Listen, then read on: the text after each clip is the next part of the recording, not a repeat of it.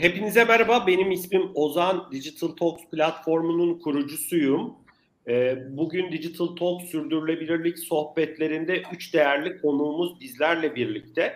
E, ve Digital Talks sürdürülebilirlik sohbetlerinin dördüncü haftasıyız. Altı haftalık bir serimiz olacak bildiğiniz gibi. Bugün odağımızda e, Elektrik 4.0 üretim tesislerinde dijitalleşmenin sürdürülebilirlik için e, önemine odaklanacağız. Bu konuya odaklanacağız. Ben öncelikle üç değerli konuğumuzu sizlere tanıtmak istiyorum. E, Cemal Tosun, Schneider Elektrik Strateji ve Dijital Transformasyon Direktörü. Cemal Bey hoş geldiniz sohbetimize. Hoş gördük. E, çok teşekkürler. E, bu arada Kazakistan'dasınız galiba. E, Kazakistan'a da sevgilerimizi iletiyoruz. Ee, diğer konuğumuz Esra Yazıcı, Şişecam e, Bilgi Teknolojileri Veri e, ve Analitik Direktörü. Esra Hanım hoş geldiniz sohbetimize. Mersin'e sevgilerimizi iletiyoruz. Siz de Mersin'desiniz. Teşekkür ederiz. Mersin'den sevgiler iletiyoruz biz de sizlere. Ee, çok teşekkürler. Diğer konuğumuz e, Vedat Bey, e, Vedat Serdar Çalışkan. E, kendisi e, Hayat Kimya Operasyonel Mükemmellik Grup Müdürü Vedat Bey hoş geldiniz sohbetimize. Siz galiba İstanbul'dasınız şu an. Hoş bulduk. Ben de Tuzla'dan katılıyorum. Tuzla'dan tamam. Süper. E, ben de İstanbul'dayım bu arada hani onu da belirteyim. E, değerli dinleyicilerim bu sohbetlerimizi YouTube'dan her zaman izleyebilirsiniz. Onun dışında biz bu sohbetleri podcast olarak Apple Podcast, Google e, Podcast, e, Spotify gibi platformlarda da podcast olarak da paylaşıyoruz hızlı bir şekilde. E, bunu da hani eğer yolda, iş yerinde, herhangi bir lokasyonda bu sohbetleri de podcast olarak da dinleme şansınız var. Bugün sohbetimiz yaklaşık bir saat sürecek. Değerli konuklarımıza sorularınız olursa bilgi.digitaltalks.org adresine iletebilirsiniz. Ben de vaktimiz el verdiğince e, bu soruları e, değerli konuklarımıza da e, yönelteceğim. Dilerseniz sohbetimize başlayalım. Bu arada tabii şeyi belirtmeye atladım. Bu sohbetlerin düzenlenmesinde sohbet davetimizi kabul eden değerli konuklarımıza ben çok teşekkür ediyorum. Öncelikle onun dışında da bu seride bizi destekleyen ana sponsorlarımız e, Mediago'ya, PepsiCo'ya ve Schneider Elektriğe de ve değerli yöneticilerine de teşekkürlerimizi iletiyoruz. Cemal Bey dilerseniz sizinle başlayalım sohbetimize. E, çünkü elektrik 4.0 dedik. E, Schneider elektriğin adında da elektrik geçiyor ki ana işiniz bu zaten. E, ve dünyanın hani e, önde gelen köklü kendi alanında uzman şirketlerinden bir tanesi 186 yaşında. Ben de hani e, biraz incelerken biraz şaşırdım. Hani oldukça uzun bir süre. Biraz aslında elektriğin evrimini konuşabiliriz. Elektrik dünyasına baktığımız zaman nasıl bir ilerleme var ve elektrik 4.0 deyince e, neyi düşünmeliyiz? Bir de e, bilmeyen e, dinleyicilerimiz için Schneider Elektrik'le ilgili bize bilgi verebilirseniz sevinirim. Ne gibi e, ürün ve hizmetleri sunuyorsunuz müşterilerinize? Ben sözü size bırakmak istiyorum. Seve seve. Merhaba şu anda bu arada bizi takip eden tüm dinleyicilere sağlıklı günler diliyorum. Ve öncelikle burada bulunmaktan duyduğum memnuniyeti paylaşmak isterim. Ozan Bey size davetiniz için tekrar teşekkür ederim. E, sorunuzu cevaplamaya e, elektriğin evrimi konusuyla başlayabiliriz aslında. Günümüzün en çok konuşulan terimlerden birisi değişim ve buna adapte olabilmek. Aslında bu konu yeni bir konu değil. Hatta sadece bugüne ya da yakın tarih özel bir konu da değil. Yaklaşık 4,5 milyar yıldır gezegenimizin varoluşundan beri tek hücreli canlılardan günümüz Homo sapiens'e kadar sürekli olarak değişime ve adaptasyona uğramış bir ekosistemden bahsediyoruz. Bu ekosistemde diğer canlılara nazaran iyi veya kötü en büyük etki yaratan bizleriz. Bunların sebepleri de ayrı bir oturumda tar- tartışmak isterim. Diğer canlılarla karşılaştırıldığında nasıl bu kadar büyük bir etki yaratıyoruz? Bilenlerle tartışmak lazım aslında. Ve geçmişte yarattığımız etkinin büyüklüğü bugüne kadar eksponansiyel değildi. Çünkü bugün artık insanlık tarihinin dönüm noktası olan konuların başında olan elektriğin ticarileşmesi ve büyük kitleler için kullanımından bahsediyoruz aslında baktığımızda. Ve elektrik dediğimiz kavramın bizim hayatımıza ticari olarak e, yer almaya başlaması 250 yıllık bir geçmişe dayanıyor. Bu ticarileşme 1750'lerde endüstri devrine paralel olarak elektrik dünyasında Volta, Alessandro Volta ve e, Michael Faraday gibi ilk öncülerin elektriğin gündelik kullanımına yönelik çalışmalarıyla başladı. Bu dönemi biz elektrik 1.0 olarak adlandırılıyoruz. Bu dönemin ardından 19. yüzyılın sonunda elektrik santrallerini kurarak elektrikli aydınlatmanın endüstriyel ölçekte uygulamaya alınmasıyla elektrik 2.0'ın başlangıcı yapıldı. Ve sonrasında ise 1950'lerde silikonun geliştirilmesi, otomasyon ve elektronikler icat edilmeye ve hayatımıza girmeye başladı. Bu arada küçük bir parantez açmak isterim buraya. E, bu bilgiyi ilk öğrendiğimde çünkü biraz şaşırmıştım. Daha havalı bir hikaye bekliyordum sanırım. Silikon yarı iletken özelliğiyle bilgisayar teknolojilerinin hızla gelişmesine büyük katkı sağlamıştır. Tüm büyük teknolojik gelişmeler de e, silikonun keşfiyle hızlandığı için Silikon Vadisi adını bildi, bildiğimiz silikondan alıyormuş. Şimdi silikon e, dijitalleşme ve birinci nesil güneş paneli hücrelerinde e, geliştirmesinde önemli rol oynadı ve yenilebilir enerji ve dijitalleşmenin doğuş e, dijitalleşme dijitalleşmenin doğuşu ile başlayan bu dönemi elektrik 3.0 olarak tanımlamak mümkün. Günümüzde ise e, bugün itibariyle dördüncü devrimi yaşıyoruz aslında. Yani dijital devrim. Endüstri 4.0, Nestle'nin interneti gibi olağanüstü teknolojik yeniliklere uçtan uca bağlı, akıllı, güvenilir ve verimli sistemler oluşturmak anlamını taşıyor. Bu sürdürülebilirlik odağıyla gerçekleştirilen devrimle birlikte yeni enerji dünyasında hep beraber inşa ediliyor. Biz de buna Schneider Elektrik olarak elektrik 4.0 diyoruz. Şimdi elektrik 4.0 deyince ne acaba hayal ediyoruz? Onu belki de paylaşmak lazım. Ozan Bey sizin de sorduğunuz üzere. Aslında elektrik 4.0 kavramının iki önemli yapı taşı var. Biri elektrifikasyon, diğeri dijitalleşme. Bu iki kuvvetin bir araya gelmesiyle tam anlamıyla sürdürülebilir sistemler ortaya çıkıyor ve enerjinin izlenebilir, bağlanabilir, daha entegre ve kontrollü bir kolay bir yapıya ulaşmasını sağlıyor. Elektrik 4.0 daha az enerji tüketerek daha fazla verim almaya imkan veriyor. Dolayısıyla bu tabiri duyduğumuzda hayal edilmesi gereken konu herkes için temiz ve uygun fiyatlı enerji sağlarken karbon bir geleceğe ulaşmanın en hızlı yolu olduğudur. Diğer bir deyişle de yeni bir evrime doğal sürücü dolayısıyla ihtiyaç duyan ekosistemimizi dinleyip her iki taraf için de kazançlı bir rotaya girmekten bahsediyoruz bu durumda. Çünkü içinde bulunduğumuz ekosistemin devamlılığı bugün elektrik ener- enerjisiyle dişlerin ne kadar verimli bir şekilde bir araya getirmesine bağlı diyebilirim. Schneider, e, Elektrik'e gelecek olursak öncüsü olduğumuz elektrik 4.0 kavramı ile tek gayemiz tüm gezegene sahip olduğumuz enerji ve kaynakları en şekilde kullanmayı teşvik etmek. Biz gelişim ve sürdürülebilirlik arasında bir köprü kurmak için çalışıyoruz ve enerji ve dijitale erişimin temel bir insan hakkı olduğunu inanıyoruz. Bu temel inanca 10 yıllarını hatta sizin de ifade ettiğiniz gibi neredeyse 200 yılında vermiş köklü bir firmayız. Ve tek gayemiz herkesin hakkı olan enerjiye her yerde ve her zaman ulaşabilmesine destek vermek.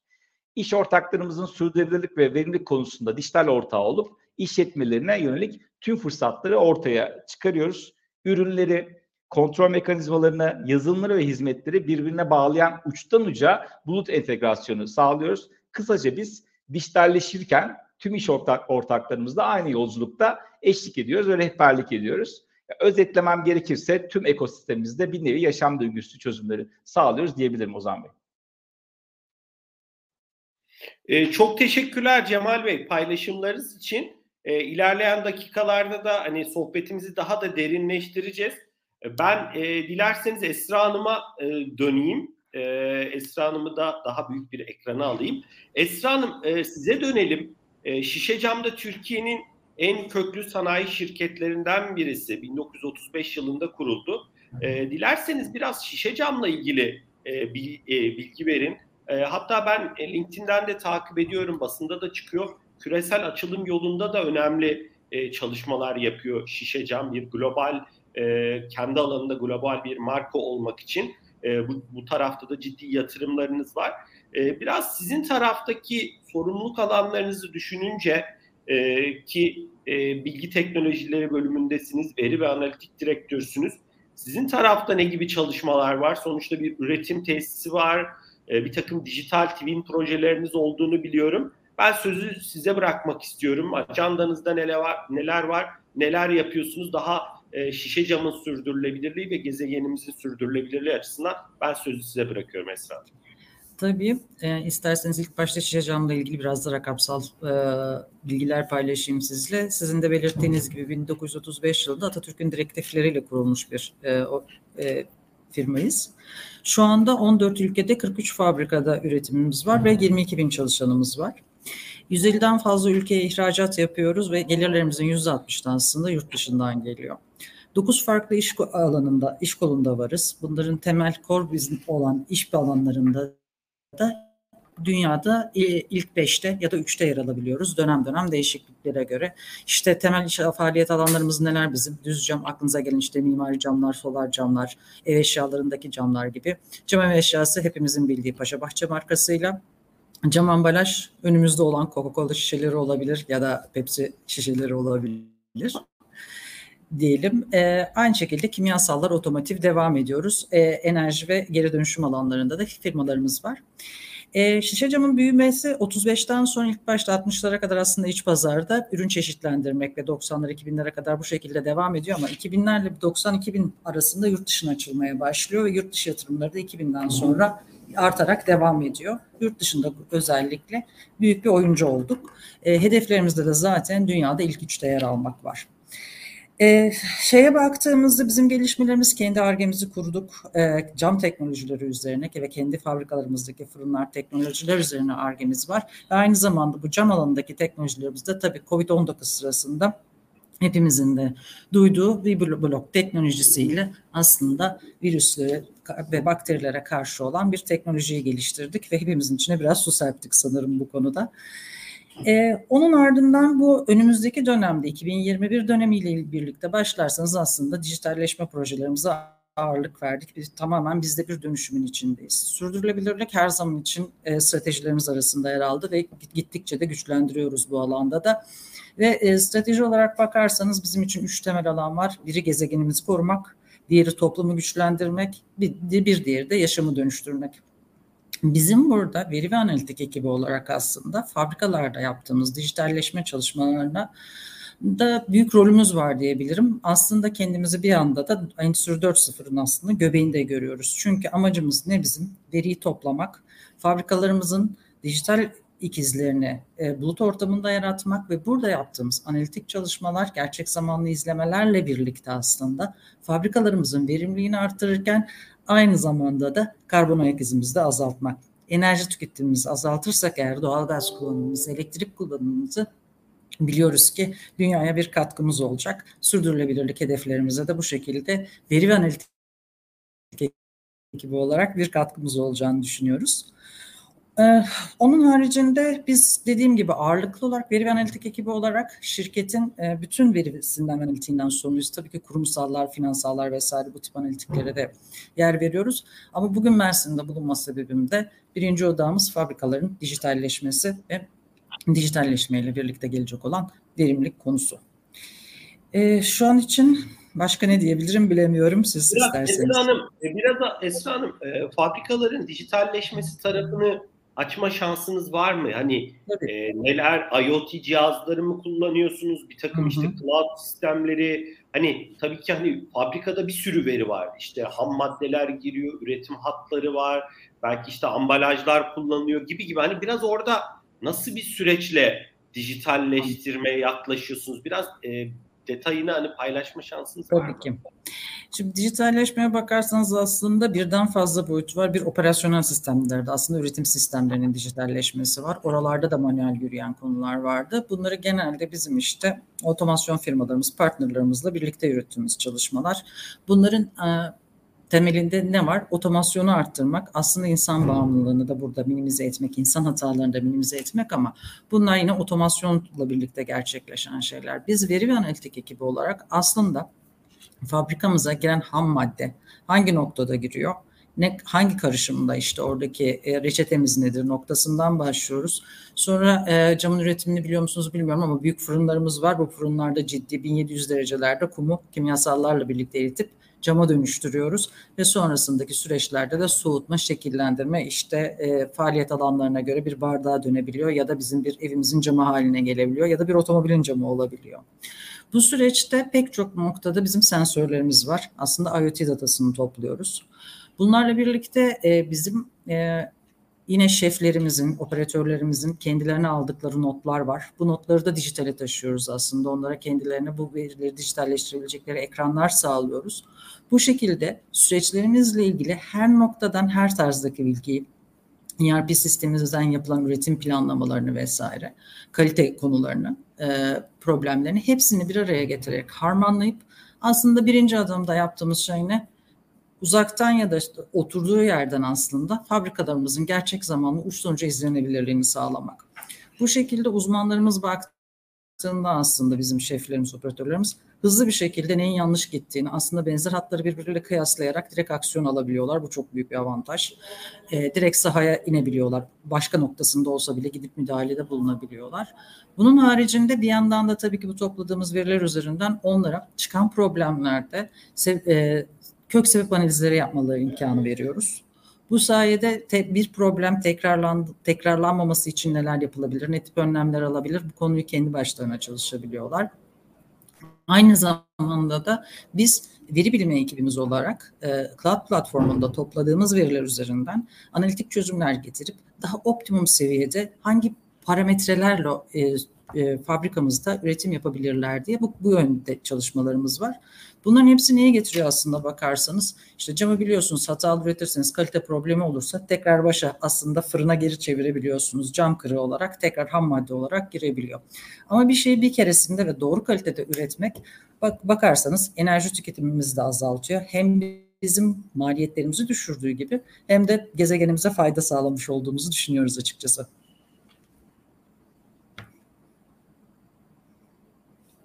Ee, Ozan Bey sesiniz... Çok pardon. Ee, Esra Hanım çok teşekkürler. İlerleyen dakikalarda e, bu süreçte yaşadığınız zorluklara da muhakkak değiniriz. Neleri, e, neler sizin için engel oluyor, neleri aşmaya çalışıyorsunuz. Şu aşamada ekleyeceğiniz bir şey yoksa ben Vedat Bey'e dönmek isterim. Tabii. Tamam, çok teşekkürler. Ee, ben Vedat Bey ile ilkin ekranda. Vedat Bey e, selamlar. Ee, Merhaba. Tekrar hoş geldiniz. Hayat Kimya Türkiye'de kendi alanında hızlı tüketim ürünleri sektöründe çok öncü şirketlerden bir tanesi ve portföyünüzde e, milyonlarca insanın Türkiye'de ve globalde hayatına giren e, markalarınız var. E, ve siz de e, bu şirkette Hayat Kimya'da e, operasyonel mükemmellik grup müdürü olarak çalışıyorsunuz.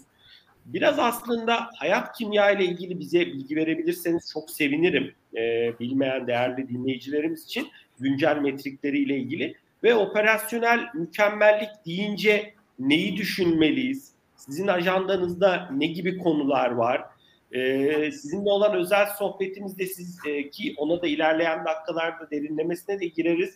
E, bu işin sadece bir teknoloji dönüşüm işi olmadığını, işin içinde insanla, organizasyonla, e, terfilerle, belki birçok konuyla ilgili hem beyaz yaka hem mavi yaka tarafında çok önemli birçok e, dinamiğin olduğundan bahsetmiştiniz. Ben sözü size bırakıyorum. E, Vedat Bey e, neler söylemek istersiniz? Ee, öncelikle çok teşekkür ediyorum bu fırsatı verdiğiniz için. Değerli arkadaşlarıma da çok teşekkür ediyorum. Eminim birbirimizden de çok öğreneceğimiz şeyler vardır.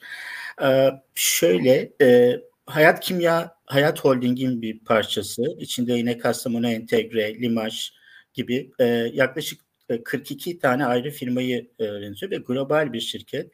Globalden şu 18 ayrı ülkedeyiz holding olarak. Sadece hayat kimya olarak 8 ayrı ülkede 18 tane 18 e, işletmemiz var. Yani fabrikamız var.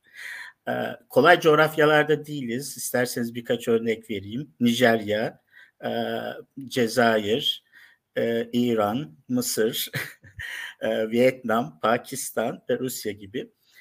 Ama epeydir oralardayız yani çoğu ülkelerde. Bu bize hızlı tüketim e, ürünleri üreten bir şirketiz. Global bir şirketiz. E, markalarımız e, bu söylediğim ülkelerde ya birinci ya ikinci sırada. E, yine Avrupa'nın en büyük ikinci kağıt tişü üreticisiyiz. E, aynı şekilde dünyanın en büyük beşinci çocuk bezi üreticisiyiz derken yani bir sürü payemiz var açıkçası İSA'da da. Hayat Kimya çevik, hızlı bir şirket. E, çok çabuk yatırım yapabilen, e, hızlı hareket edebilen e, ve e, tüketicimizin gereksinimlerine e, direkt odaklanıp onu kısa zamanda karşılayabilen bir şirket. E, bu şirket içinde operasyonel mükemmellik biriminin e, niye var olduğu sorarsanız ben hep onu sorarım. Her birimin bir varlık sebebi vardır her şirkette. Bizim varlık sebebimiz kayıplarımız. Yani biz e, e de kayıplar oluşuyor. Yani üretimin e, esnasında, süreçlerinde, dağıtımında, nakliyesinde bütün bir e, supply chain'e baktığınızda kayıplar oluşuyor. E, bu kayıpların e, incelenmesi, e, kök nedenlerinin bulunması, anında veya daha kronik problemlerde metodolojik olarak bu problemlerin giderilmesi için yetkinliklere ihtiyacımız var. Günlük çalışma sistemlerine ihtiyacımız var. Standartlara ihtiyacımız var. Ama en önemlisi sahada bu kayıp kültürünün e, anlaşılması gerekiyor. Şimdi Endüstri 4.0 veya işte otomasyon bu işin içinde neresinde derseniz e, takdir edersiniz ki e, fabrikalarımızda ya biz şöyle bir saydık yaklaşık 96 tane e, sadece e, bir e, converting hattı gibi düşünün. Hattın olduğu bir fabrikada bu verilerin toplanması, bu verilerin incelenmesi ve sürekli tekrar eden hataların verimsizlik kayıplarının işte biz OI diyoruz ki ıskarta da içinde, kalite de içinde. Bunların incelenmesi gerekiyor ve bunları kim inceliyor? Kim incelemesi gerekir diye sorusunda hep aynı kişilere denk düşüyoruz. Üretim birimleri, sahadaki e, formenim, sahadaki operatörüm, sahadaki mühendisim. Bir sürü datayla, bir sürü veriyle onları yüz yüze bırakıyoruz. Ondan sonra diyoruz ki hadi ben de sana yalın üretim sistemlerini öğreteceğim. TPM uygulayacağız, otonom bakım yapacağız, PM yapacağız ve benzeri yapacağız. Peki bu veriler ilk önce verilerin ne ifade ettiğini, o verilerden nasıl sonuçlar çıkarılabildiğini anlaması lazım. Ama bu kişi aynı zamanda da makineyi çalıştırıyor. yani düşünecek olursanız böyle bir dilema. Ondan sonra dedi ki yani biz Endüstri 4.0 e, hatta komitesi kurduk, nedir diye anladık, assessmentlarımızı yaptık, dijital dönüşüm projelerimizi hazırladık. Bunu yaparken bir şeyin farkına vardık. Daha sonra da dediğiniz gibi e, e, bunun için partnerlar çok önemli evet ama partnerisi ya, e, bu buna odaklanabilecek, bunu günlük hayatının bir parçası olabilecek bir organizasyon ve e, takımlara da ihtiyaç var. Bu da yalın üretim takımları içinde olmalı dedik ve şu anda da onun çalışması içindeyiz. E, bilmiyorum atladığım bir şey var mı? Ben hemen şeye geçtim ama. yo yo Vedat Bey e, gayet güzel devam edebilirsiniz. Bu arada hani vaktimiz var. Biraz hani tamam. burada ne gibi çalışmalar yapıyorsunuz? Şu an e, değerlendirdiğiniz zaman hani e, hangi aşamada görüyorsunuz e, yaptığınız işleri? Yapılacak Tabii. çok iş var mı? Daha evet. alınacak çok yol var mı? İlerleyen dakikalarda da hani soracağım soruyu da aslında şimdiden Tabii. söyleyebilirim. Biraz hani e, Cemal Bey'in de kendi işi dolayısıyla eminim birçok şirketlerle çalışıyorlar. Esra Hanım sonuçta e, şişe camda. Biraz orada da challenge'ları konuşuruz ama biraz evet. sizin ajandanızdaki konuları şu an dinlesek olabilir. Vaktimiz var Vedat Bey hiç merak tamam. etmeyin. Ee, yani nasıl başladık dediğimiz aslında çok eski okul diye, diyelim. Yani TPM uygulamalarıyla başlıyorsunuz. Yani başladığınızda çünkü sağ çalışmalarınız otonom bakım, ekipmanları temel koşuluna getirme gibi onları destekleyecek e, progressive maintenance e, pillarları, onu destekleyecek yine odaklanmış iyileştirme ekipleri, e, ile ve faz faz devam eden bir programımız var bizim. Türkiye fabrikalarımız her zaman e, ön fazla çalışıyor. Mesela faz 1'deyken iştirak fabrikalarımız e, faz sıfırda gibi. Kısacası mutfak Türkiye e, doğal olarak. Ondan sonra şu mutfağımızda e, pilot bölgeler, pilot hatlar seçerek ilk önce e, tipik e, e otonom bakım adımlarını, bu atom, otonom bakım adımlarında destek olacak e, PM e, sportlarını. Bu arada temel problem çözüm tekniklerini ama hep dediğim gibi sahadan başlayarak e, yaptık. Bunun ötesinde e, standart or, e, TPM pillarlarına ek olarak bir de organizasyon e, komitesi kurduk, pillar'ı kurduk. Burada da e, günlük yönetim sistemlerinde e, daily direction setting dediğimiz yani günlük yönet e, haberleşme, komünikasyon sistemlerinin standartlaştırma, ödül ve takdir sistemlerinin oluşturulması e, gibi e, e, destekle de e, şey, bütün bu ekipleri e, e, toplamış olduk. Kısacası e, yaptığımız çok farklı bir şey yok. Yani yalın üretim ve TPM uygulamalarını aynı yapıyoruz. Peki burada dijitalleştirme nereden geliyor? Ee, ben hatırlıyorum yani şeyde e, ilk e, proses mühendisi, üretim mühendisi olarak başladığımda bir tane bilgisayarımız vardı hattın başında. O bilgisayarın hattın başında operatörlerimizden her yarım saatte bir bir e, paketi koyup e, tartıp bir düğmeye basmasını istiyorduk. Sonra da şeydi. Ve bu çok zor oluyordu. İşte ben bilgisayar bilmemlerle başlıyordu. Ondan sonra e, ve biz bu zamanlardan geldik. Şu anda ise kağıt da yazı yazdırtamıyoruz. yani operatörlerimize yani öyle bir e, dijitalleştirmeyi o kadar yani günün hayatın bir parçası olmuş ki e, kağıttan kurtulmak istiyorlar. Hani bizim şeydeki gibi.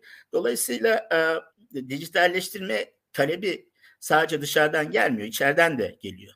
Ondan sonra içeride bizim bir sürü, bir sürü dijital agentlarımız var, şampiyonlarımız var. Yani isimleri ne böyle hani say deseniz sayamazsınız ama bir sıkıntı olduğunda gidip hemen halledebilecek operasyonda mühendislerimiz var. Ve bu, hiçbirinin de background'ı IT değil bu arada. Yani BT değil. Kısacası e, işlerini kolaylaştırırken bir örnek vereyim. E, cleaning, inspection, lubrication dediğimiz EC, yani temizlik, kontrol, yağlama sistemi. Bu günlük yönetim sistemidir bütün üretim hatlarında. E, bunu kağıtla yapmayı reddedip dijital olarak e, tabletlere geçilmesi. E, bulunan hataların e, ayrıca bir karta işlenmesi yerine direkt yine bu tabletler üzerinden sisteme aktarılması, iş emirlerin açılması gibi pratik ama onların günlük hayatını çok etkileyen ve onlara hakikaten vakit kazandıran e, e, uygulamaları devreye almaya başladık. İşte bunun içinde e-Kaizen, e-CIL, e-Defekenlik gibi günlük yönetim sistemleriyle başladık. E, akıllı fabrikalar yönetimiyle. Bu arada başka önemli bir nokta Schneider Elektrik'le de hani konuştuk. E, proses iyileştirmelerde şunu anladık ki veri e, kısıtlı olarak alıyoruz manuelde ve bu verileri çok iyi işleyemiyoruz. E, ayır, e, yeteri kadar ayıramıyoruz ve verileri proses kontrol dediğimiz işte center learning, mid-range sistem dediğimiz günlük yönetim sistemlerinde e, anında göremediğimiz ve reaksiyon gösteremediğimiz için bir sürü kayıplar yaşıyoruz. Şu mesela orada da proses analizleri, AI'larla e, bir e, ruloda kağıt kopmasını 45 dakika öncesinden predict edebilen sistemlerle bu kayıpları önlüyoruz ve e, ve daha da çok yolumuz var yani daha yeni başladık sayılır e, o şekilde. Ve tabii bütün bunları bir araya getiren bütünleşik bir platforma ihtiyaç var. Her zaman onu söylüyorum. Çünkü çok farklı e, modüllerle yönetmeye başladığınızda e, aynı bilgiyi 3-4 ayrı yerde kullanıyorsunuz. Onun koordinasyonu yok. E, modüller birbirlerinden öğrenemiyorlar. E, onları da bir bütünleşik bir platformda toplama çabası içindeyiz. 2023'te de hedefimiz o. Vedat Bey çok teşekkürler. Ben şunu anlıyorum. E, sonuçta büyük bir organizasyon olunca bir anda bütün üretim tesislerini, bütün şirketi istenilen seviyeye çekmek mümkün değil. E, eminim Esra Hanım da hani paylaşacaktır. Sonuçta birden fazla fabrikanın e, olduğu bir e, yapıda, kiminin de yurt dışında olduğu bir yapıda e, belli şeyleri test etmek, oradan belli çıkarımlar yapmak ve bunu şirketin geneline yayıyor olmak e, büyük bir e, proje, büyük bir süreç aslında. Çok teşekkürler. Ki ilerleyen dakikalarda da aslında ben bu sorumu üçünüze yönlendireyim. Cemal Bey dilerseniz sizinle e, başlayalım burada. E, siz de işiniz gereği birçok şirketle, farklı şirketle görüşüyorsunuz, farklı projeleri hayata geçiriyorsunuz. Biraz bu e, üretimde dijitalleşme projelerine Schneider Elektrik perspektifinden baktığınız zaman karşılaşılan temel engeller ne oluyor, düşülen hatalar ne oluyor ya da bu yolda iyi giden şirketler neyi iyi yapıyor da bu yolda iyi gidiyor? Biraz buradaki elde ettiğiniz içgörüler nedir? E, bizlerle neler paylaşmak istersiniz? Ben sözü size bırakıyorum. Seve seve. Ya aslında bakarsanız yani sürdürülebilirlik konusu hepimizin içinde yaşadığı gezegen için bireysel olarak da proaktif davranmamız gereken son derece hassas bir konu. Yani elektrik 4.0'ın veya bütün bu konuştuklarımızın tepedeki asıl amacı e, aslında sürdürülebilirlik. Gezegenimizde varlığımızda sürdürebilmekten bahsediyoruz. Yani tek kelimeyle bir türün varlığın devamını adresliyoruz sürdürülebilirlik derken. Onun için ilk soruya cevap verirken de bahsettiğim gibi konuda sorumluluk almamak gibi seçeneğimiz ve şansımız artık kalmadı. İklim krizi kapımızda. Bu konuda en büyük etki yaratacak olanlar da devlet kurumları, finans kuruluşları, büyük organizasyon ve dünya işte dünyadaki aslında her yerindeki üretim tesisleri. Şimdi burada dijitalleşmenin ise bu saydığımız alanlardaki rolü anahtar kilit misali. Yani günümüz dünyasında dijitalleşmeyi sistemlerimize entegre edemiyorsak gelecekte sürdürülebilir olma yolunda maalesef geride kalmak kaçınılmaz olacaktır. Sürdürülebilirlik geride kalmak sonradan telafi edilebilir konu mu? O da ayrı bir aslında konu. Ee, eğer birbiriyle entegre olmayan sistemler kullanıyorsak, elimizdeki veriyi işleyip anlamlı içerikler çıkaramıyorsak ve en önemli kaynak olan enerji verimli kullanmamız zaten mümkün olamaz. E, bu noktada biraz da e, aslında sizin sorduğunuz o stratejik hatalardan bahsetmek isterim. Yani mesela dijitalleşme konusunda bazı kurumlarda, bazı şirketlerde hala tereddütler var. Bilinmeze adım atmaktan çekinip geleceğin çözümlerine yatırım yaparken biraz daha yavaş, izleyici tarafta kalmak daha güvenli tarafta kalınabiliyor bazen. Kimi zaman geleneksel bütçe oluşturma sistemleri, kimi zaman yakın gelecekte dünyanın evrileceği yöne doğru yol, yol, yani nereye gittiğine dair bir öngörünün olmaması neden olabiliyor. Bazen de nereden başlanacağını bilemiyor. Biz genelde bunu çok fazla duyuyoruz e, üretim şirketlerinden. Nereden başlayacağız acaba? Bu sürdürülebilirlik yolculuğuna, bu dijital dönüşüm yolculuğuna nereden başlıyoruz sorusu çok fazla geliyor. Şimdi diğer tarafta ise bahsettiğimiz bu duruma tamamen ters. Tüm süreçleri dahil olmak isteyip doğru planlama yapamayan, altyapısı yokken yeni bir alan işaret etmeye çalışan oluşumlar da mevcut. Elbette temeli olmayan bu oluşumların hayatta kalmasında pek de bekleyemeyiz. Dolayısıyla dijitalleşme yolunda geçmişten faydalanarak öngörüler, planlar yapmak ve günümüz teknolojisini kullanarak geleceği planlamak başarının temel kriterlerinden biri. Bu bir e, araştırmadan bahsedeceğim e, hemen hızlıca.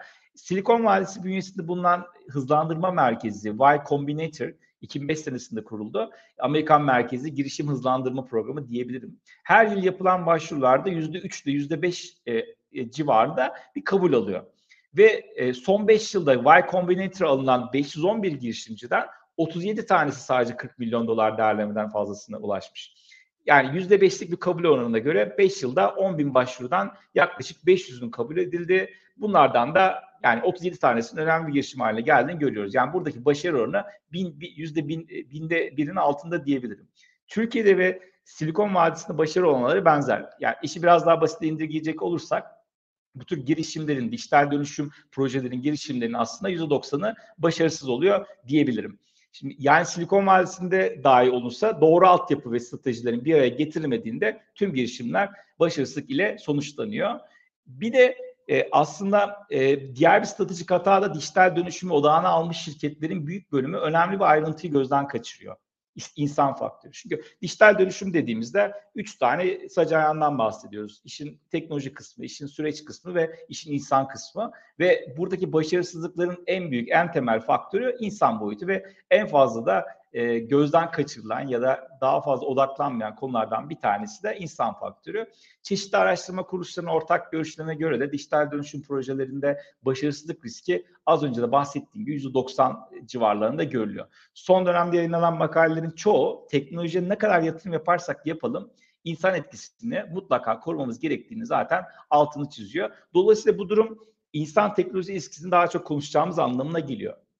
Son olarak da dijital dönüşüm, data, sürdürülebilirlik gibi konular kurumlar için sadece tek departmanın olduğu e, konular değil. Az önce aslında Vedat Bey çok güzel ifade etti. Üretimde dijital şampiyonlarımız vardı. Çok güzel aslında e, güzel örnek best practice'lerden biri diyebilirim bu bunu. Çünkü e, mevcut kurumun tüm bölümlerini içselleştirmesi gereken e, konulardır bunlar. Stratejik hatalardan birisi data dijital dönüşüm ekipleri kurup bu ekiplere diğer departman arasında silo oluşturmak. Aslında bu herkesin sorumluluğu. Hatta ben bir panelde dinlemiştim çok hoşuma gitmişti. Yani normalde şirketlerde dijital dönüşüm diye bir proje bir departman olmaması gerektiğini e, söyleyen tabii bir bold bir e, fikir ama aslında işin altında yatan neden çok şey felsefi bir hikaye. Aslında bütün departmanların dijital dönüşüm dediğimiz konuyu sahiplenmesi gerektiğini anlatan bir bir yaklaşım. Şimdi bu durumda tüm şirketin konuyu sahiplenememesi sahiplenememesine yol açıyor aslında belli bir departman bu işi yapınca ve dijital dönüşüm süreçleri iş modellerini dijitale taşımaktan çok daha fazlasıdır. En doğru altyapı, en doğru uzmanı bile konulmasanız kurulan sistemin yürümesi ve devamlılığı için kurum içinde o farkının, o kültürün yerleşmesi gerekiyor. O kültürü değiştirmemiz gerekiyor. Aslında yıllardır konuştuğumuz değişim yönetiminin temelinde tüm paydaşların süreci dahil olması, değişimin e, kültüre entegre edilmesi, değişimin anlamının tüm taraflara doğru anlaşılması ve bu büyük resimde herkesin katkısı rolünü bilmesi başarının önemli faktörlerinden olduğunu düşünüyorum.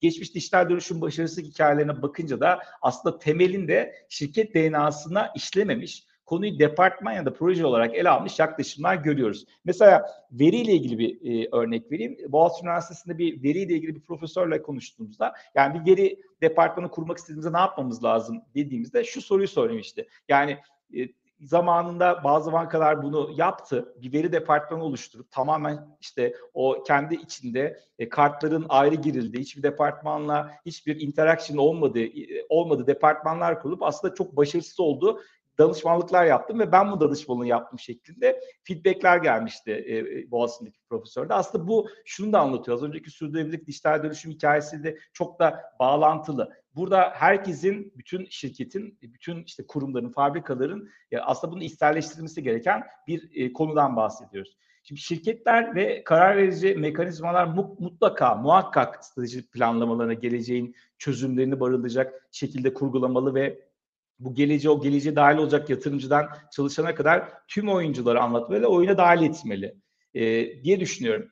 Diğer bir konuda e, dijitalleşmenin beraberinde getirdiği iş akış sistemlerindeki yalınlık ve verimlilik. Bu da çok önemli. Çünkü bazen dijital dönüşüm projesi yaptığımızda e, yani anlatmaya çalıştığımız, ikna etmeye çalıştığımız işte iç müşteri dediğimiz arkadaşlara yani benim işim daha uzadı, benim işim daha zorlaştı. Yani bu yalın değil. Yani bunu neden yapıyoruzu ikna edemiyoruz. Yani bizim kendimizi ikna edememiz durumda zaten karşı tarafı ikna etmemiz buralarda çok zor. O yüzden buradaki yalınlık ve verimlilik de çok önemli olduğunu düşünüyorum. Bu noktada atılan adımlar kendisi çok kısa sürelerde amorti ediyor. Gelecek için de devasa ölçekte kazançlar sağlıyor. Basit, yalın e, teknolojiler e, yaptığımızda. Şimdi buralarda bu use case'lerden bahsetmeden önce dijitalleşme kavramını biraz daha detaylandırmak istiyorum. Yani örneğin Schneider Electric için dijitalleşme demek bir EcoStructure mimarisi demek. Şimdi EcoStructure mimarisi ile ilgili birazdan bir, e, bir aslında podcast'ten bir atıf yapacağım.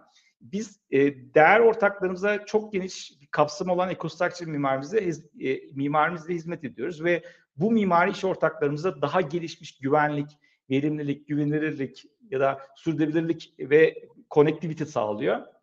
Ve iş ortaklarımızın süreçlerini baştan sona takip edip herhangi bir hata ve kesinti yaşanmadan önleyici çözümler sunuyoruz. Zaten bunu Esra Alım'da, Vedat Bey de bahsetti. Bu önleyici bakımlar özellikle fabrika üretim testlerinde çok kritik konulardan biri diyebilirim. Yani aslında basit anlamda daha az maliyetli, daha çok verim almalarına imkan sağlıyoruz bizim bu, buradaki çözümlerle beraber. Tam bu noktada e, teknoloji uzmanı ve aynı zamanda da ekonomist olan Pipa Malgram'in bir podcastinden bahsetmek istiyorum. Şundan şunu söylüyor. Hani e, 2011 senesinde Mark Andreessen işte software is eating the world yani yazılım dünyası bütün dünyayı aslında e, e, tamamen gasp etti tırnak içinde ve e, yükselişine dikkat çekmek için böyle bir bold bir e, şey e, ibarede bulunmuştu. 6 sene sonra 2017 senesinde Andrew Bowman hardware is the new software diye bir yeni bir terminolojiyle geldi aslında. Yani burada donanım ile yazılım arasındaki bir sınır kalmadığını anlatan bir terminoloji burada. Yani software evet software önemli. Software bizim hayatımızın bir parçası olması gerekiyor. Ama diğer taraftan da bu işin yani software ve hardware'in harmanlanması gereken bir konu ve bu noktada Pippa Malmgren bu görüşü destekleyen yeni bir terminoloji geldi. Henüz terminolojiye girmedi ama Malgrave'in kendi e, yarattığı bir terminoloji. Shardware diye bir terminoloji. Yani hardware ve software kelimelerin birleşmesiyle yarattığı bir terminoloji. Ve burada e, Schneider Electric'in yaptığı şey aslında bu hardware konseptiyle çok benziyor. Stratejisi bu yönde belirliyor diyebiliriz. Bizim uzmanlık alanımız zaten burada başlıyor. Yani yılların hardware altyapısını bizim yazılım ile dijitalleştirip değer katan hizmetleri tasarlıyoruz. Müşterimiz için özelleş, e, özelleştiriyoruz diyebilirim yani kişiselleştiriyoruz.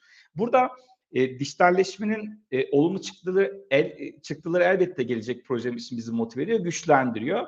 Yani e, bizim yaptığımız işlerle ilgili paralel olduğu için McKinsey'nin birkaç raporundan bahsetmek isterim. McKinsey'nin raporlarına göre işte makine öğrenimi gibi dijital dönüşüm teknolojileri, tedarik zinciri süreçlerini optimize etmek ve iyileştirmek yoluyla şirketlerin taşıdığı stok seviyelerini %20, %50 arasında düşürmesini mümkün görüyor. Şimdi bu e, müthiş bir rakam. Çünkü özellikle üretim şirketlerinde e, önemli fonlama yükünün azalması anlamına geliyor. Biz Türkiye'deki özellikle yani finansman maliyetlerinin bu kadar arttığı bir yerde bunun çok e, inanılmaz bir kurtarıcı olduğunu olduğunu düşünüyorum. E, yine diğer taraftan e, az önce bahsettiğimiz önleyici bakımlarla bakım maliyetlerini, arıza sürelerini, denetim maliyetlerini de ciddi oranda düşürdüğünü görüyoruz. Burada işte dijital dönüşüm kapsamında ve yapay zeka, makine öğrenmesi, analizleri alanında Schneider Electric olarak geçmişteki bilgi ve deneyimlerimizden faydalanarak şu anki e, teknolojiler sayesinde farklı modeller tasarlıyoruz. Süreçleri otomatize ediyoruz ve geleceğe yönelik tahminlemeler yapıyoruz. Böylece enerjimizi en verimli şekilde kullanıp süreçlerimizi dijital olarak sürdüğü hale geliyoruz diyebilirim. Cemal Bey çok teşekkürler. Ee, tabii ben burada hani bir e, yorumda bulunayım. Ee, bazen hani e, kimi titirlere sahip, e, örnek veriyorum işte dijital dönüşümden sorumlu e, genel müdür yardımcısı vesaire. Bazen ben hani bunun gerekli olabileceğine de inanıyorum. Bu hani şey açısından birilerinin olayı e, lead etmesi, birilerinin olayı şey yapması bu e, şu anlamada gelmemeli diye düşünüyorum. Yani bunun bu kültürün tabii ki şirket geneline yayılması çok kritik. Ama hani e, birilerinin de orada belki tedarikçi seçim sürecinde çok aktif olması, e, buna yönelik olan paydaşları, danışmanlık şirketlerini belirlemesi yani şirketin tamamını ilgilendiren bir konu ama hani birilerinin de daha fazla e, sorumluluk alıp e, işin içinde olması sanki gerekiyor gibi e, düşünüyorum. E, ama tabii ki de, e, kesinlikle kültür boyutu şirketin geneline yayılıyor olması önemli. Ben Esra Hanım'a döneyim. Esra Hanım biraz hani sizde şişe camda e, bu dijital ikiz projeleri ne zaman başladı? Siz şey dediniz hani bu süreçte de e, hani yol alıyoruz daha yapacak çok şeyimiz var demiştiniz bana. E, bu arada Esra Hanım odaya kimse geldi mi bilmiyorum ama şu an hani e, geldiyse kendisinden rica edelim biraz daha bize vakit tanısın. E, şaka bir yana demek istediğim nokta hani projelerde ne aşamadasınız, e, neler sizin e, tırnak içinde başınızı ağrıtıyor, neler sizin için bir challenge, e, neleri yapmakta zorlanmıyorsunuz, bunun içine ben şeyi de dahil ediyorum. Yani regülasyon, belki KVKK ile ilgili hani buluta yönelik bir takım engellerle siz gerçi hani B2B bir şirketsiniz ama hani ağırlıklı e, bilmiyorum yani önünüzde ne engeller var ne, neleri aşmak daha kolay neleri aşmak zor. E, ben sözü size bırakıyorum. Tamam ben bizim maceramızdan bahsedeyim. Aslında e, Şişecam e, bizim veri ve analitik direktörlüğü kurulmadan önce zaten dijitalleşmenin önemini kendi stratejilerinin arasına almış ve ciddi bir dönüşüm planlaması yapmış bir şirket. Bizim ekip 3 sene önce kuruldu aslında ee, ve hani benim gelmemle birlikte başlayan bir macera. O yüzden gayet hani şeydik e, bir Greenfield'da her şey bizim için üretim tarafında diyeyim. Tabii ki merkezi ekipler tarafından yapılan raporlama analizler vesaire onlar daha temel şeyler olduğu için onlarsız hayat dönmez.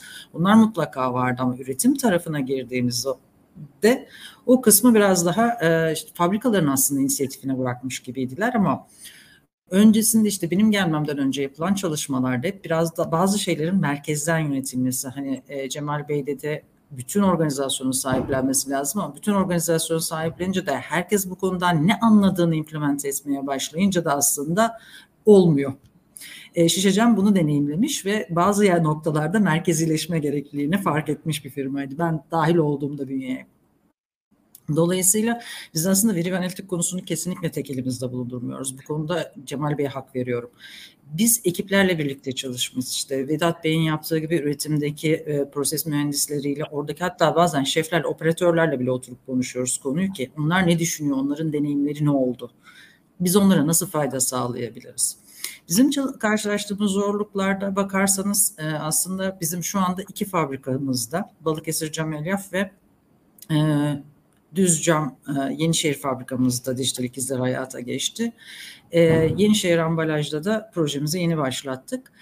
Şöyle e, her fabrikada her kişiyle karşılaştığımız sorunlar farklı. Kişi diyorum çünkü teknolojiler boyutunu bir şekilde çözüyorsunuz. Yani hani elinizin altında iyi mühendisler varsa, tedarikçileriniz size destek oluyorsa o noktada bir şekilde çözüyorsunuz. Çünkü e, tabii ilk karşılaştığımız problem aslında veri almaya çalıştığımızda e, tedarikçi tarafında oldu. Çünkü üretim sistemlerinde çok alışılan bir şey değil. Bir tedarikçinin kendi sahip olduğu üretilen, o sırada üretilen bir veriyi, IoT verisini başka bir ortama göndermesi. Yani ben şu anda işte DCS'lerde, SCADA'larda bunları gösteriyorum. Siz bunu yönetebiliyorsunuz. Niye buna ihtiyaç duyuyorsunuz ki diye başlayan bir tartışmalar oldu. Bunları e, bizim tedarikçilerimizle yani e, açtığımızı düşünüyorum. Gerçi hani 43 fabrikada farklı farklı tedarikçiler var. Her ülkede de aynı tedarikçileri bulamıyorsunuz. Dolayısıyla bazılarında tekrar tekrar aynı tartışmaları yaşamak zorunda kalıyoruz. Ama bunlar bir şekilde çözebildiğimiz şeyler çünkü teknik problemler diyelim. En çok zorlandığımız konular Cemal Bey'in de bahsettiği aslında insanlar olabiliyor. Bazılarının beklentileri o kadar yüksek ki geleceğiz biz her şeyi çözeceğiz diye bakıyorlar. Ben geleceğim ben oturacağım kenara o analitik geldi tamam fabrika optimize oldu gibi beklenti olabiliyor. Bazılarında da şey, şimdi işimi elimden mi alacaksın? Bunu yapmasak ne olur? Ben zaten iyi yapıyorum işimi gibi şey söylemler oluyor. Bunlar o, o kadar iki uç noktadaki şeyler ki bazıları da tamamen konuya zaten hakim. Birlikte çalışacağız, birlikte yapacağız diyor. Hani çok farklı profilde insanlar var. Her birinin endişesi, her birinin sorusu haklı. Bunları aslında ilk başta beklentiyi doğru set etmek, biz ne yapıyoruz, ne yapmıyoruz? Onlarla yapıyoruz. Aslında onların işini çalmıyoruz. Onların hayatını kolaylaştırıyoruz. Ve yaptıkları işi daha iyi yapacakları için aslında fabrikanın ve kendilerinin performansını arttıracağımız için de daha aslında keyifli bir ortama e, sahip yapacağız kendilerini. Bunların iletişimi bizim için kritik oldu. Tabii ki her kişi, e, her fabrikanın çalışanı farklı. O yüzden bu iletişim tekrar tekrar yapılıyor. Benim gördüğüm yani merkezi ekiplerde, merkezi de zaten üst yönetim bu vizyonu ortaya koyduğu için buralarda daha yaygınlaştırma çok daha kolay oluyor. Ama fabrikalara dağıldığında, farklı coğrafyalara gittiğinde bu iletişim giderek şey oluyor, zayıflıyor. Bu bence temel problemlerden biri. E, şeyin bütün organizasyonu sahiplenmesi gerekiyor. Ama dediğiniz gibi bir dönüşüm ofisinin de var olması gerekiyor ki bunları sürüklesin. Hadi arkadaşlar diye bir hatırlatma lazım. Çünkü aksi takdirde herkes o günün operasyonuna kendini kaptırıyor gidiyor. Yanda yaptığı bir iş haline geliyor. Ee, ben de temelde aslında benzer şeyleri söylüyoruz. Temelde insan kültürü. Hanım burada şeye de görev düşüyor gibi sanki şirketlerde iç iletişim bölümleri var ya hani Belki kurumsal evet. iletişimin altında ya da İK'nın altında bilmiyorum. Hani sizde doğal olarak hani o içeride bunu anlatmak tabii ki sizin bir göreviniz ama belki o iç iletişimde bir takım insanların da bunun e, buna da kanalize oluyor olması e, biraz kafa yoruyor olması da sanki kritik gibi bilmiyorum.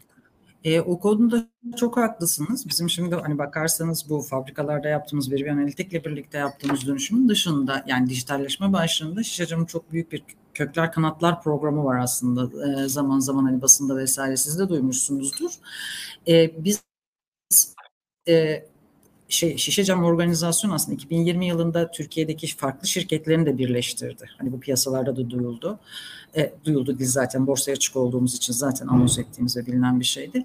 Bu değişim fonksiyonel yapıya da geçişimizi sağladı. Yani farklı şirketler olarak yürütülen yapı ortak fonksiyonlar haline geldi. Tek şirket haline geldi. Tek şirket haline gelince şimdi şey konusuna geldik tekrardan süreçlerin tekilleştirilmesi, artık herkesin bağımsız hareket etmemesi ve yalın süreçler bu konu mesela hani merkezi ekiplerde de herkesin böyle ama biz böyle yapmıyorduk bugüne kadar dedikleri bir konu oluyor. Şimdi adım adım onlar. İşte bütün dünyada işte standartlar var. Herkes bunu bu şekilde yapıyor. Siz niye farklı farklı yapıyorsunuz tartışmaları? Oralarda iç iletişim çok ciddi bir çaba sarf ediyor. Çünkü bu sadece hani bir fabrikada bir kişiyi etkileyen bir konu değil.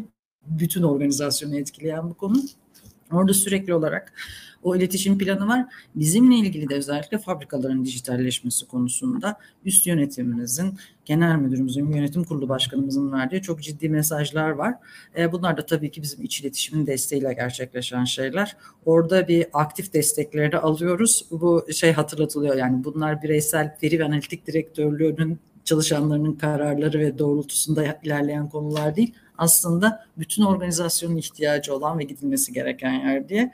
Evet bu e, birimler birbirini destekliyor. Herkesin birbirini destekliyor olması gerekiyor bu konuda. Gerekiyor. Kesinlikle yani tek başına bir yöneticinin e, alıp bunu ya da bir ekibin bunu alıp e, tek başına gerçekleştirmesi mümkün değil. Vedat Bey'e dönmeden bir konuyu net anlamak için çok kısa sormak istiyorum Esra Hanım. Bu tedarikçi tarafında sizin birlikte çalıştığınız, ham madde aldığınız bir takım e, belki sizin farklı konularda işte üretim e, tarafındaki hani e, maddelerinizi belki işte girdilerinizi sağlayan firmaları kastediyorsunuz diye tahmin ediyorum. Burada hani e, onlardan böyle düzenli veri akışları yani onların üretim tesislerinden de mi siz düzenli veriler al ben orayı biraz tam anlayamadım. Belki kaçırmış olabilirim. Şöyle diyeyim, tedarikçilerimizden kastettiğim aslında otomasyon sistem tedarikçilerimiz. Yani fırını yöneten sistemler, işte bizim e, hatları yöneten sistemler vesaire onlardan bilgi toplamak. Biz aslında bakarsınız şişecamın büyüklüğü biraz da oradan geliyor. Ham maddemizi de kendi madencilik e, maden şirketlerimiz var. Biraz kendimizden alıyoruz ham maddemizi de. E, tabii dışarıdan aldıklarımız da var. Ama e, şey vizyonumuz var. E, geçen daha geçenlerde bizim sürdürülebilirlik direktörlüğüyle konuştuk. Aslında bizim sürdürülebilirlik kapsamında Şişecam tek başına bir paydaş değil. Tedarikçisinin de Aynı şekilde biz ürünü teslim ettikten sonra bayi tarafında da yapılan ikinci bir işlemler varsa onların da bu resmin parçası olması lazım. Özellikle gezegeni koru mottomuzda birlikte çalışmamız gerekiyor. Bunu nasıl yaparız diye de konuştuk ama bu da yeni gündemimize gelmiş bir konu onu da belirteyim. Çok teşekkürler Esra Hanım. Çok sağ olun. Ee, tedarikçi derken biraz daha şu an üretim e, hatlarındaki o makinaları, donanımları Aynen. daha çok kastediyorsunuz. Çok teşekkür ediyorum. Çok sağ olun. Vedat Bey siz, size dönelim dilerseniz. Ee, sizin tarafta hani e, neler engeller olabiliyor, neleri aşmakta hiç zorlanmıyorsunuz. Biraz burada hani hangi divisionlara e, daha çok görev düşüyor, bölümlere görev düşüyor. E, ben sözü size bırakmak istiyorum. Burada elde ettiğiniz içgörüler bizler için çok değerli olacak. E, bunları paylaşmanızı isteriz. Evet. Ee, şöyle ben e, yaptığım bütün çalışmalarda hep şunu söylemiş, yani şöyle söylüyorum. Aldığımız iş sonuçları bir organizasyonu nasıl dizayn ettiysek o iş sonuçları geliyor. Dolayısıyla hiçbir şey tesadüfen olmuyor. E, dolayısıyla e, ulaşamadığımız hedeflerde de tekrar e, organizasyonumuzu bir daha gözden geçirmemiz lazım. Bunu yaparken de e, iş yapış biçimlerimizi, karar alma mekanizmalarımızı, iletişimimizi, e, becerileri, gerekli olan becerileri, görev dağılımını e, ve structure'ı yani kimin nasıl raporladığı önemli. Şimdi bunların hepsine tek tek bakmak lazım. Ama temelde şu soru var. Biz dijital dönüşümü niye yapıyoruz? Niye ihtiyacımız? Yani üst yönetim istediği diye mi yapıyoruz? Ya yani bu, bu çünkü bu e, bunu direkt sahadaki kişiye aktak anlatmak çok zor. hani dijital dönüşeceğiz diye bir şey yok.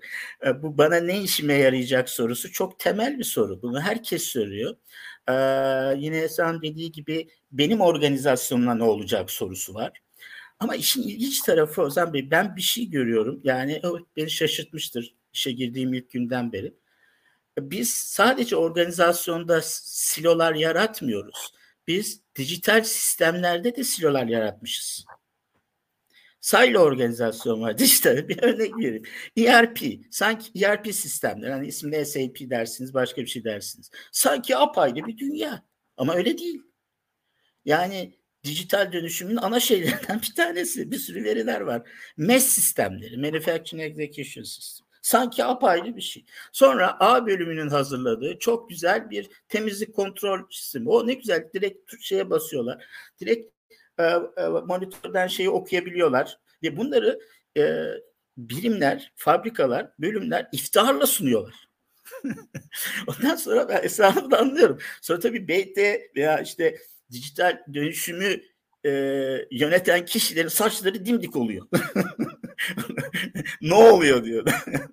yani ondan sonra işte bunları e, hani silolar sadece organizasyonlarda oluşmuyor. Dijital sistemlerde de şu an. Bugün en büyük sorun neydi biliyor musunuz? Bir iki yıl önce çıkardığımda envanter çıkaramadık biz kolay kolay. Ne envanter var? Envanter sadece software değil, değil mi? Bana özellikle bizim gibi büyük şirketlerdeki ufak şirketlerde envanteri çıkarma apayrı bir şey. Bir proje. Kimde ne var? Kim neyi kullanıyor?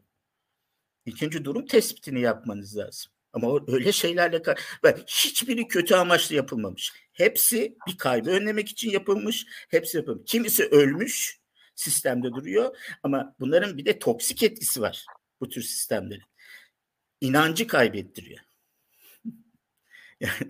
E, ve en zor kısım da bu. O inancı kaybettirmeyi. Kimisi e, sahilyolar içinde kurulmuş olan departman sadece kendini ön planda tutmak için yaptığı, sunduğu şeyler var. O kişi promote ediyor, gidiyor veya başka bir yere gidiyor. Sistem ölüyor.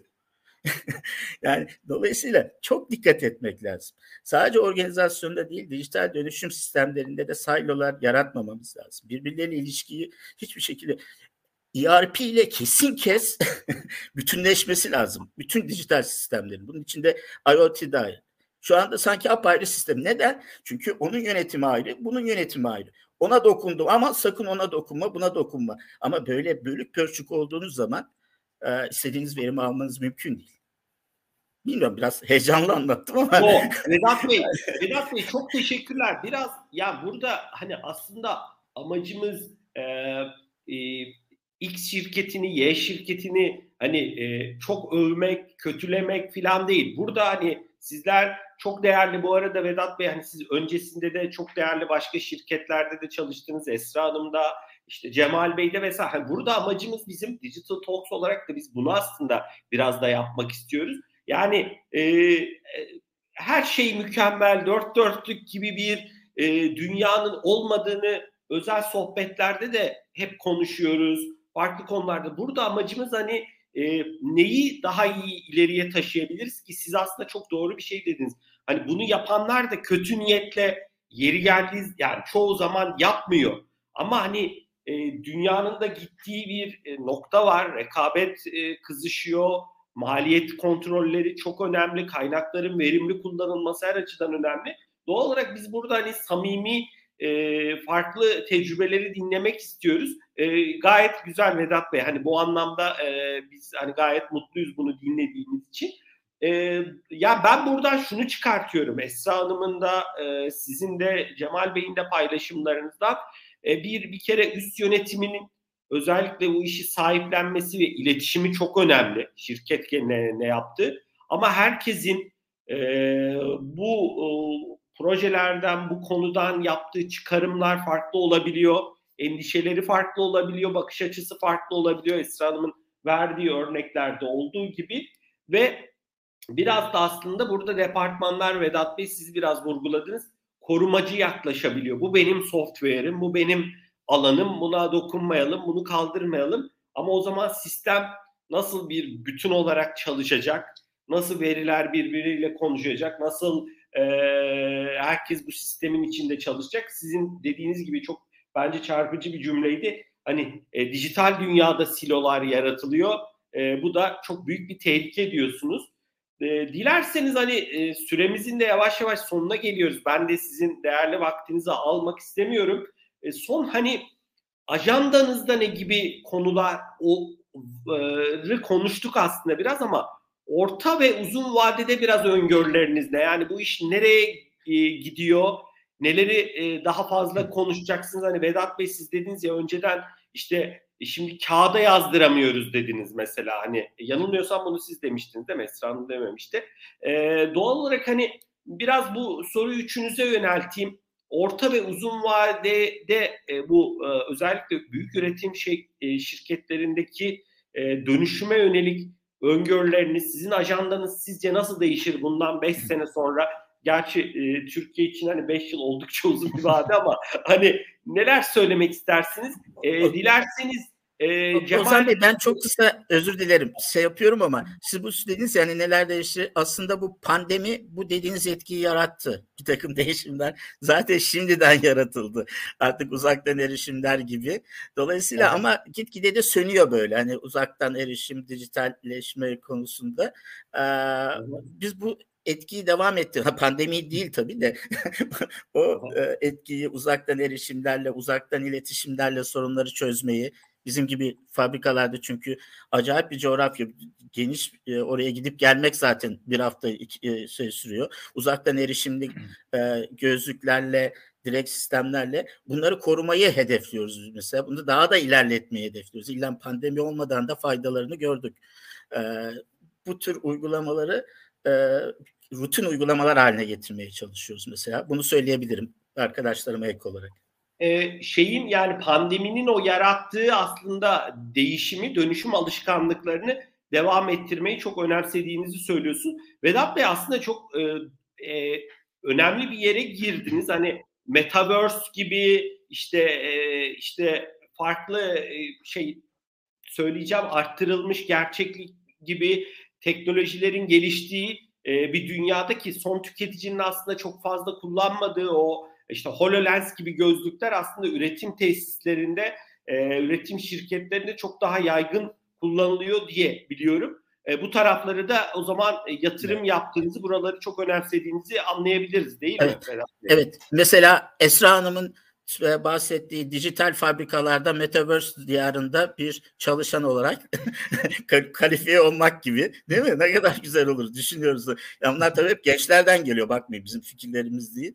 Hani tamam dijital fabrikalarımız var ama kim kullanıyor dijital fabrikaları? Genellikle engineering işte şey falan gibi değil mi? Hani üstün sınırları yapıyoruz. E niye bir çalışanımız kullanmasın? Niye oryantasyonunu o dijital fabrikada metaverse dünyasında yapmasın gibi düşünceler de var. Yani. Çok, çok teşekkürler. Ee, Cemal Bey sizin hani e, e, kapanışı da yapmadan hani e, yorumlarınız bu anlamda bu işin gittiği yeri nasıl görüyorsunuz? E, bu iş e, yani e, Esra Hanım'ın ve Vedat Bey'in ortaya koyduğu zorluklar da aslında böyle kolay aşılacak böyle tık diye e, çözülecek şeyler değil. Yani bu bu işleri biz daha e, tartışmaya, konuşmaya devam eder miyiz diye düşünüyorsunuz? Yorumlarınız ne olur? Ee, ederiz deyip böyle kapatıyormuşuz. Edeceğiz. çok ya aslında çok çok güzel paylaşımlar. Zaten e, ben Esra Hanım'ı, Vedat Bey'i e, sizi dinlerken aslında ne kadar doğru yerde olduğumuzu, doğru işlerle kafa yorduğumuzu tekrar tekrar farkına vardım. Yani bu az önce bahsettiğim aslında e, şey konusu, işte dijital dönüşüm departmanları belki de yok hikayesi biraz şey gibi. Peter Drucker'a e, atıf yapılan bir hikaye biliyorsunuz. Ya orada kültür strateji kahvaltıda yer hikayesi biraz da. Yani kültürü değiştirmeden e, diğer tarafta e, en en iyi en iyi teknolojiyi ne yaparsan yap aslında bir anlamı olmayacak bir hikaye. Tabii ki yüzde yüz katılıyorum. Yani Esra Hanım'a e, size katılıyorum. Bir merkezi bir departman olması lazım bu işi yöneten veya bu işi e, bir şekilde geleceğe hazırlayan. Çünkü bizim buradaki görevimiz biraz e, bulunduğumuz kurumları hem de bulunduğumuz ülkeyi 2030'a belki daha 2050'ye hazırlamak. Böyle misyonlarımız da var. O yüzden de bunlar bunlar kritik. Ya bizim orta vade, orta uzun vadedeki şeyler aslında hepimizin çok farklı olduğunu düşünmüyorum. İlki tüm dünyanın gündemindeki bu büyük veri konusu, verinin anlamdan anlamlandırılması, bu veriden nasıl bir değer yaratacağız? Veriden aslında nasıl bir sonuca gideceğiz? Ya da bu işin sonu nedir? Yani e, nereye kadar gider? Yapay zeka konuları, işte e, diğer tadı makine öğrenme konuları. Bu bizim e, orta ve uzun vadedeki ajandamızın tepesindeki olan konulardan biri. Diğer konu Schneider Electric zaten işin stratejisinin merkezine koyduğu sürdürülebilirlik konusu, iklim değişikliği, kaynakların verimli kullanımı konusu hala en kritik konulardan biri. Diğer taraftan ise e, bu teknolojilerin işte hem yerel yönetimleri e, ülkedeki bulunduğu ülkelerdeki yerel yönetimleri desteklemek bu anlamda işte akıllı şehirlerle beraber diğer taraftan da e, doğru teknolojilere yatırım yapmaya gerektiren bir hikaye. Bunların hepsinde bizim planlarımızın arasında. Bir de Vedat Bey'i dinlerken aslında şöyle bir şey bahsedeyim. Yani bu silo'nun olması, işte uçtan uca çözüm sağlama konusu, SAP'nin diğer işte şeyle çalışması, diğer ERP ile çalışmaması konusu o kadar önemli bir konu ki hatta çok yakın zamanda biz pilot olarak Türkiye olarak başladık bu böyle bir projeye. Çünkü son 3 senede işte müşteri deneyimi konusunda, dijital müşteri deneyimi konusunda birçok dijital tool aslında yarattık ve bunu yaratırken e, şöyle düşündük. Evet bu tool'un böyle bir katma değeri var ve biz bu katma değerli tool'la böyle bir fayda sağlayacak şekilde yaptık. Ama bir nokta geldi e, bu senenin başında ve bunları birbirleriyle konuşmadığında aslında yine bir manuel şeye sarmalın içine girdiğimizin farkına vardık. Yani bir taraftan yalınlaştırmaya çalışırken diğer taraftan başka bir tarafı e, daha zorlaştırmaya başladık ve birebir de uçtan uca biz bu çözümleri nasıl yaparız? Bu ERP sistemleri veya diğer sistemler birbirleri nasıl çalışır? Gerçekten ciddi bu işe kafa yormaya başladık ve Türkiye'den de ufak tefek böyle şeyler çıkarmaya başladık aslında. E, best practice'ler de çıkarmaya başladık. Çünkü şey oluyor, anlatması kolay oluyor. Yani ben e, ikna edeceğim kişiyi telefonda üç cümleyle zaten ikna edemiyorsam bir yerde problem vardır. Bu uçtan uca olduğunda sayılar olmadığında bırakın üç cümleyi aslında bir cümleyle de anlatabiliyorsunuz. Bizim de ajandamızın e, tepesinde bunlar var diyebilirim. Çok teşekkürler Cemal Bey. Yani birbiriyle konuşulan sistemler, e, birbirine entegre sistemler, siloların olmadığı dijital dünyada bile olsa yapılar önemli diyorsunuz. Bunu Vedat Bey de vurgulamıştı. Esra Hanım sizin e, e, hani ajandanızda herhalde yapılacak çok şey var anladığım kadarıyla. Zaten bu dijital twin projesi şu an iki fabrikada.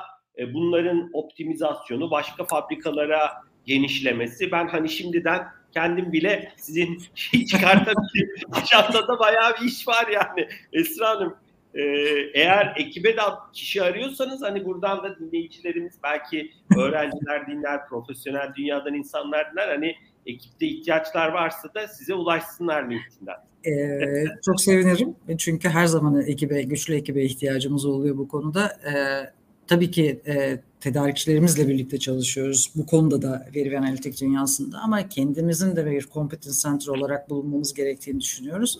Ve gerçekten bunlar yeni bir alan olduğu için de bence son derece keyifli. Benim bundan önceki deneyim e, telekomünikasyon dünyası hani orada artık çok sıradanlaşmış olan analitik veri konuları burada hani yeni ve başka bir bakış açısı olduğu için gayet keyifli. O yüzden herkese davet ederim. Çok eğlenceli bir hayatımız var bizim burada.